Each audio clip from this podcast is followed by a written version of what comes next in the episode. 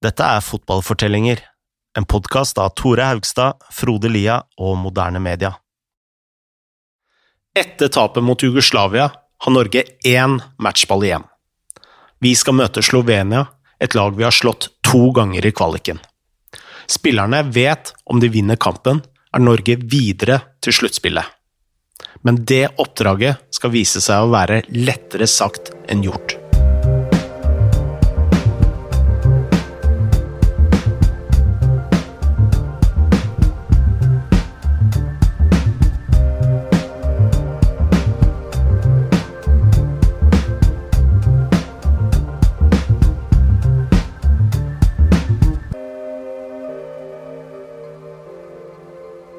Før vi forteller om de siste kampene, kan vi kanskje ta med hva som skjedde i de andre gruppene. I gruppe A hadde England slått Tyskland etter mål fra Alan Shearer, og i gruppe B hadde Sverige kun klart 0-0 mot uh, Tyrkia, så de lå virkelig ille an. Og i gruppe D hadde Danmark tapt 3-0 igjen, og denne gangen mot uh, Nederland. Og så må vi selvfølgelig ta med hva som hadde skjedd i den andre kampen i gruppe C med Norge. Um, der hadde den godeste Slatko Savic som vanlig skåra for Slovenia. Men, luringen. Ja, luringen. Uh, og han hadde vel nå skåret noe sånt som hva var det? Åtte, mål, åtte av de siste tolv målene til Slovenia, eller noe sånt.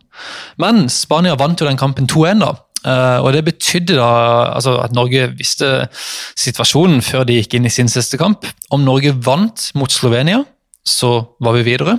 Om vi tapte, så var vi ute. Og om vi spilte uavgjort, så trengte vi at, Slovenia, nei, at Jugoslavia tok poeng mot Spania.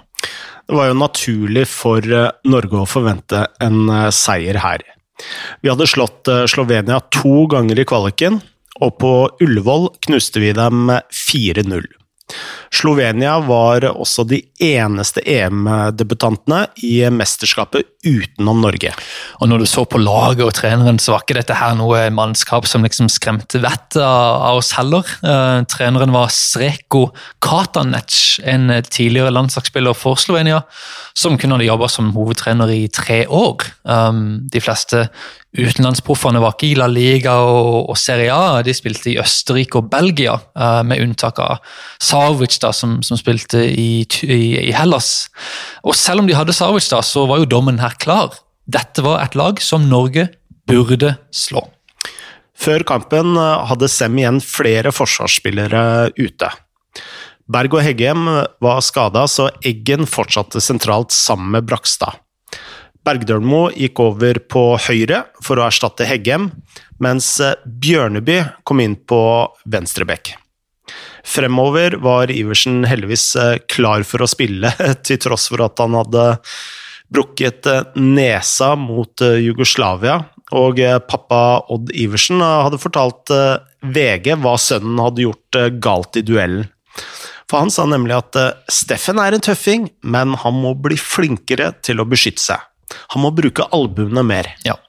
uh, mens diskusjonene i de to andre kampene hadde handla om laguttaket, så handla dette oppgjøret uh, mye mer om hvordan uh, Norge skulle angripe kampen rent taktisk, da, og spesielt hvor mye de skulle tørre fremover. Um, og Det er jo typisk når det liksom er forskjellige utfall med uavgjort og seier, og hvorvidt man skal liksom gå for det trygge og sikre et poeng osv. Skammelsrud hadde jo sagt at uh, vi hadde mista ballen for lett mot Jugoslavia. Uh, Myggen hadde ment at vi hadde vært redde for å tape. Um, og VG hadde skrevet at når Iversens hodespill er vårt beste angrepsvåpen, så tyder ikke det på en positiv utvikling. Uh, og Det jo, lå jo litt i kortene her da, at, at, Norge hadde en del å gå på, på fremover. Det er vel fair å si at VG ikke var imponert over Norges angrepsspill. De skrev at uh, i kampen mot Jugoslavia var det ikke nok å forsvare seg lenger. Norge måtte fremover for å oppnå noe. Og da så vi det samme som vi har sett før. Det knyter seg. Spillerne blir usikre, samhandlingen halter, og til slutt fungerer ikke Norges kollektiv som det skal. Verken offensivt eller defensivt. Og Dette var slett ikke en lovende dom før møtet med Slovenia, et lag som sannsynligvis kom til å legge seg litt mer bakpå enn både Jugoslavia og Spania.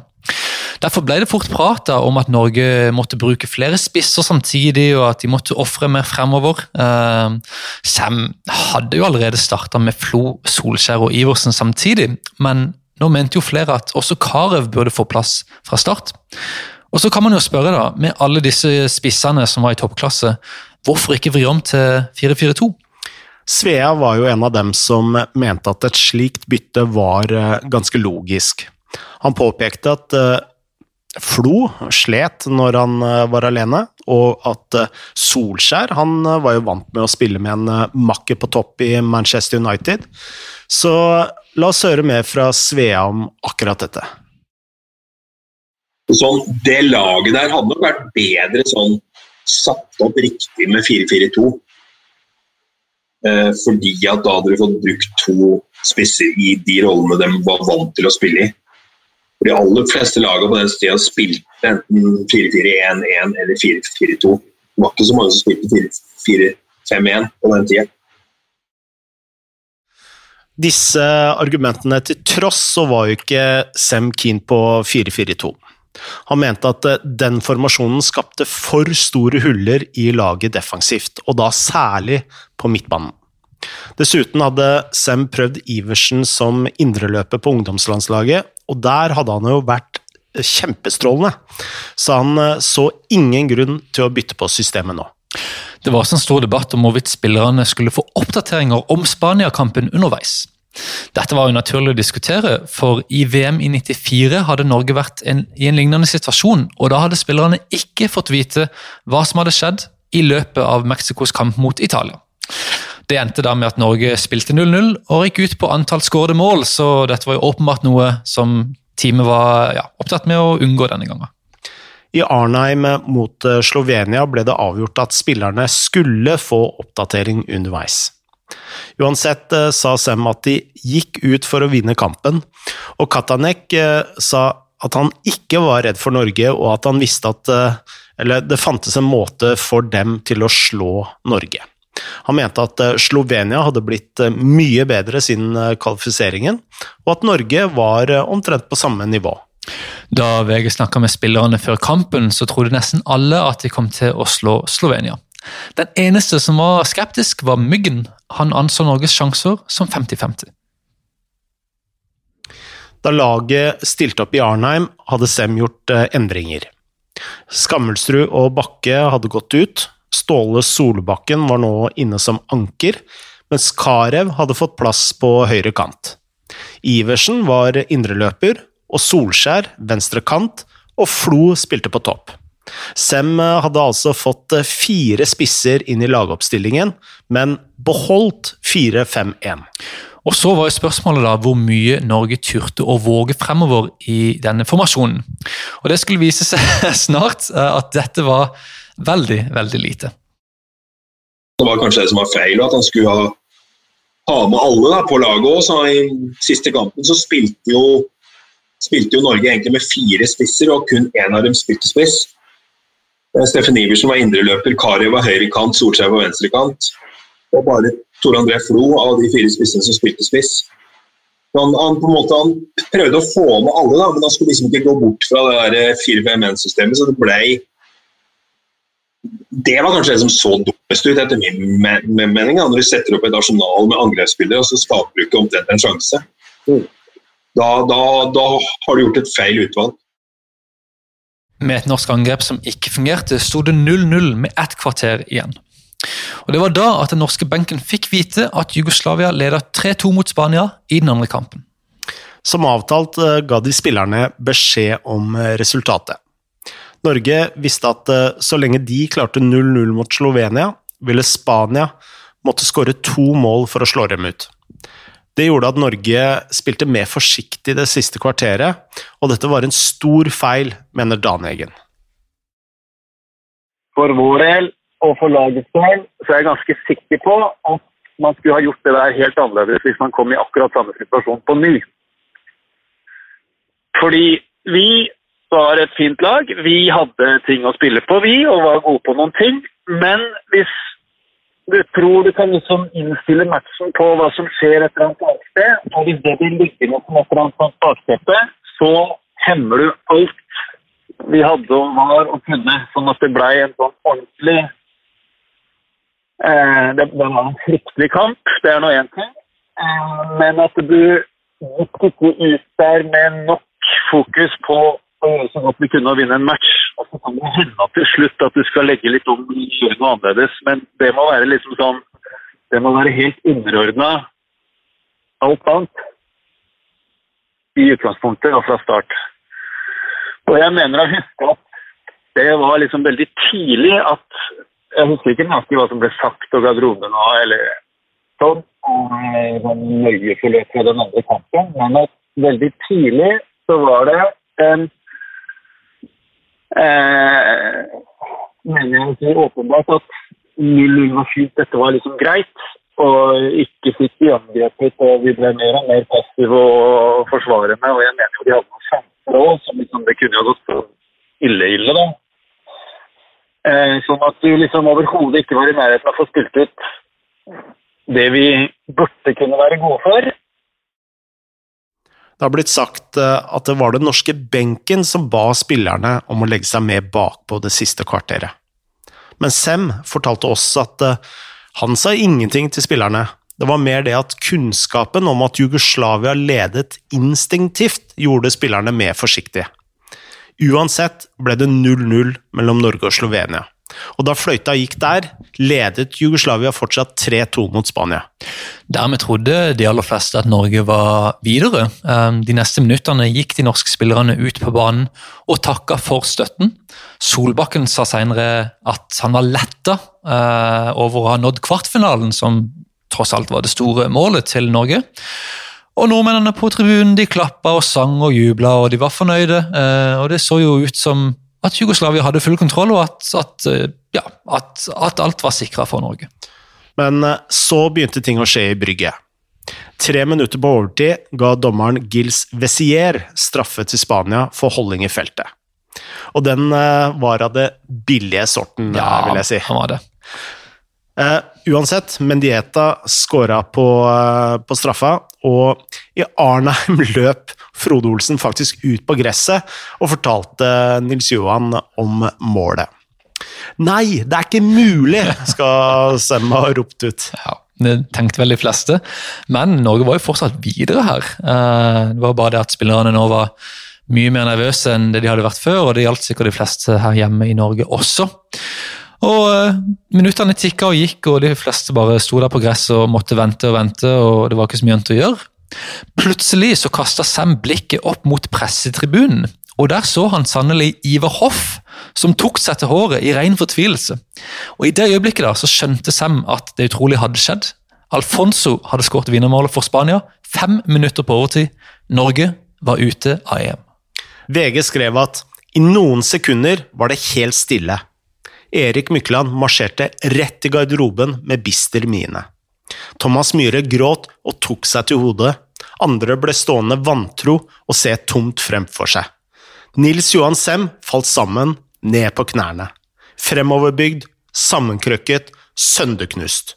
Lå han midt ute på banen, lenge. På tribunen sang en gruppe slovenere 'Viva España' for å gni saltet godt inn i det norske såret. Sam sank så sammen i den norske innbytterboksen, og da han endelig reiste seg og gikk inn i garderoben, fikk han applaus av en enslig nordmann i rød drakt. Inne i garderoben var stemninga som en begravelse. Vi har vært i mange sånne garderober, og det er jo bare veldig lite som blir sagt. Det, det, kommer kanskje Mulig det kommer en trener som prøver seg på et 'takk for innsatsen', alle sammen, men, men ofte er det bare liksom, det er bare helt stilt og rolig. Altså. Folk kler bare av seg, de går i dusjen. Det er bare Så men så er det kanskje noen som eh, som uh, begynner å prate i dusjen eller kjøre en liten minianalyse på hva som skjedde, eller tar opp en spesiell situasjon eller et eller annet sånt. Men det riker ut. Du kommer jo du, du, du, drar jo av gårde med en drøm om å vinne hele driten. Sant? Det er jo det, og norsk fotball var såpass høye på den tida at jeg tror nok altså, det, det, var kanskje noen spillere som tenkte at det, med litt flaks så, så vet du aldri. Danmark hadde jo vunnet. Og, sånn at eh, det er, et, det er en kjempenedtur å, å rygge ut av et mesterskap. Det er bare et sabla tomrom som, som oppstår. I den eh, garderoben så må jo noen av spillerne også ha spurt seg det spørsmålet her. Var det riktig av Norge å spille så forsiktig mot slutten?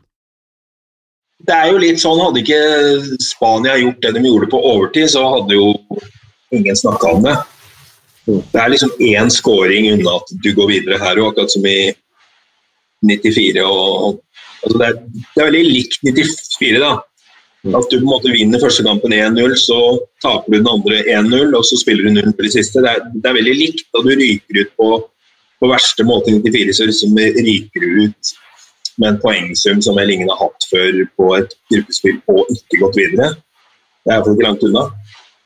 Og her havner du i en situasjon der du på en måte du klarer det med 0-0. Så det er liksom sånn Skal du gå for det, eller skal du prøve å sikre seg når alle signalene tyder på at du holder med uavgjort? da?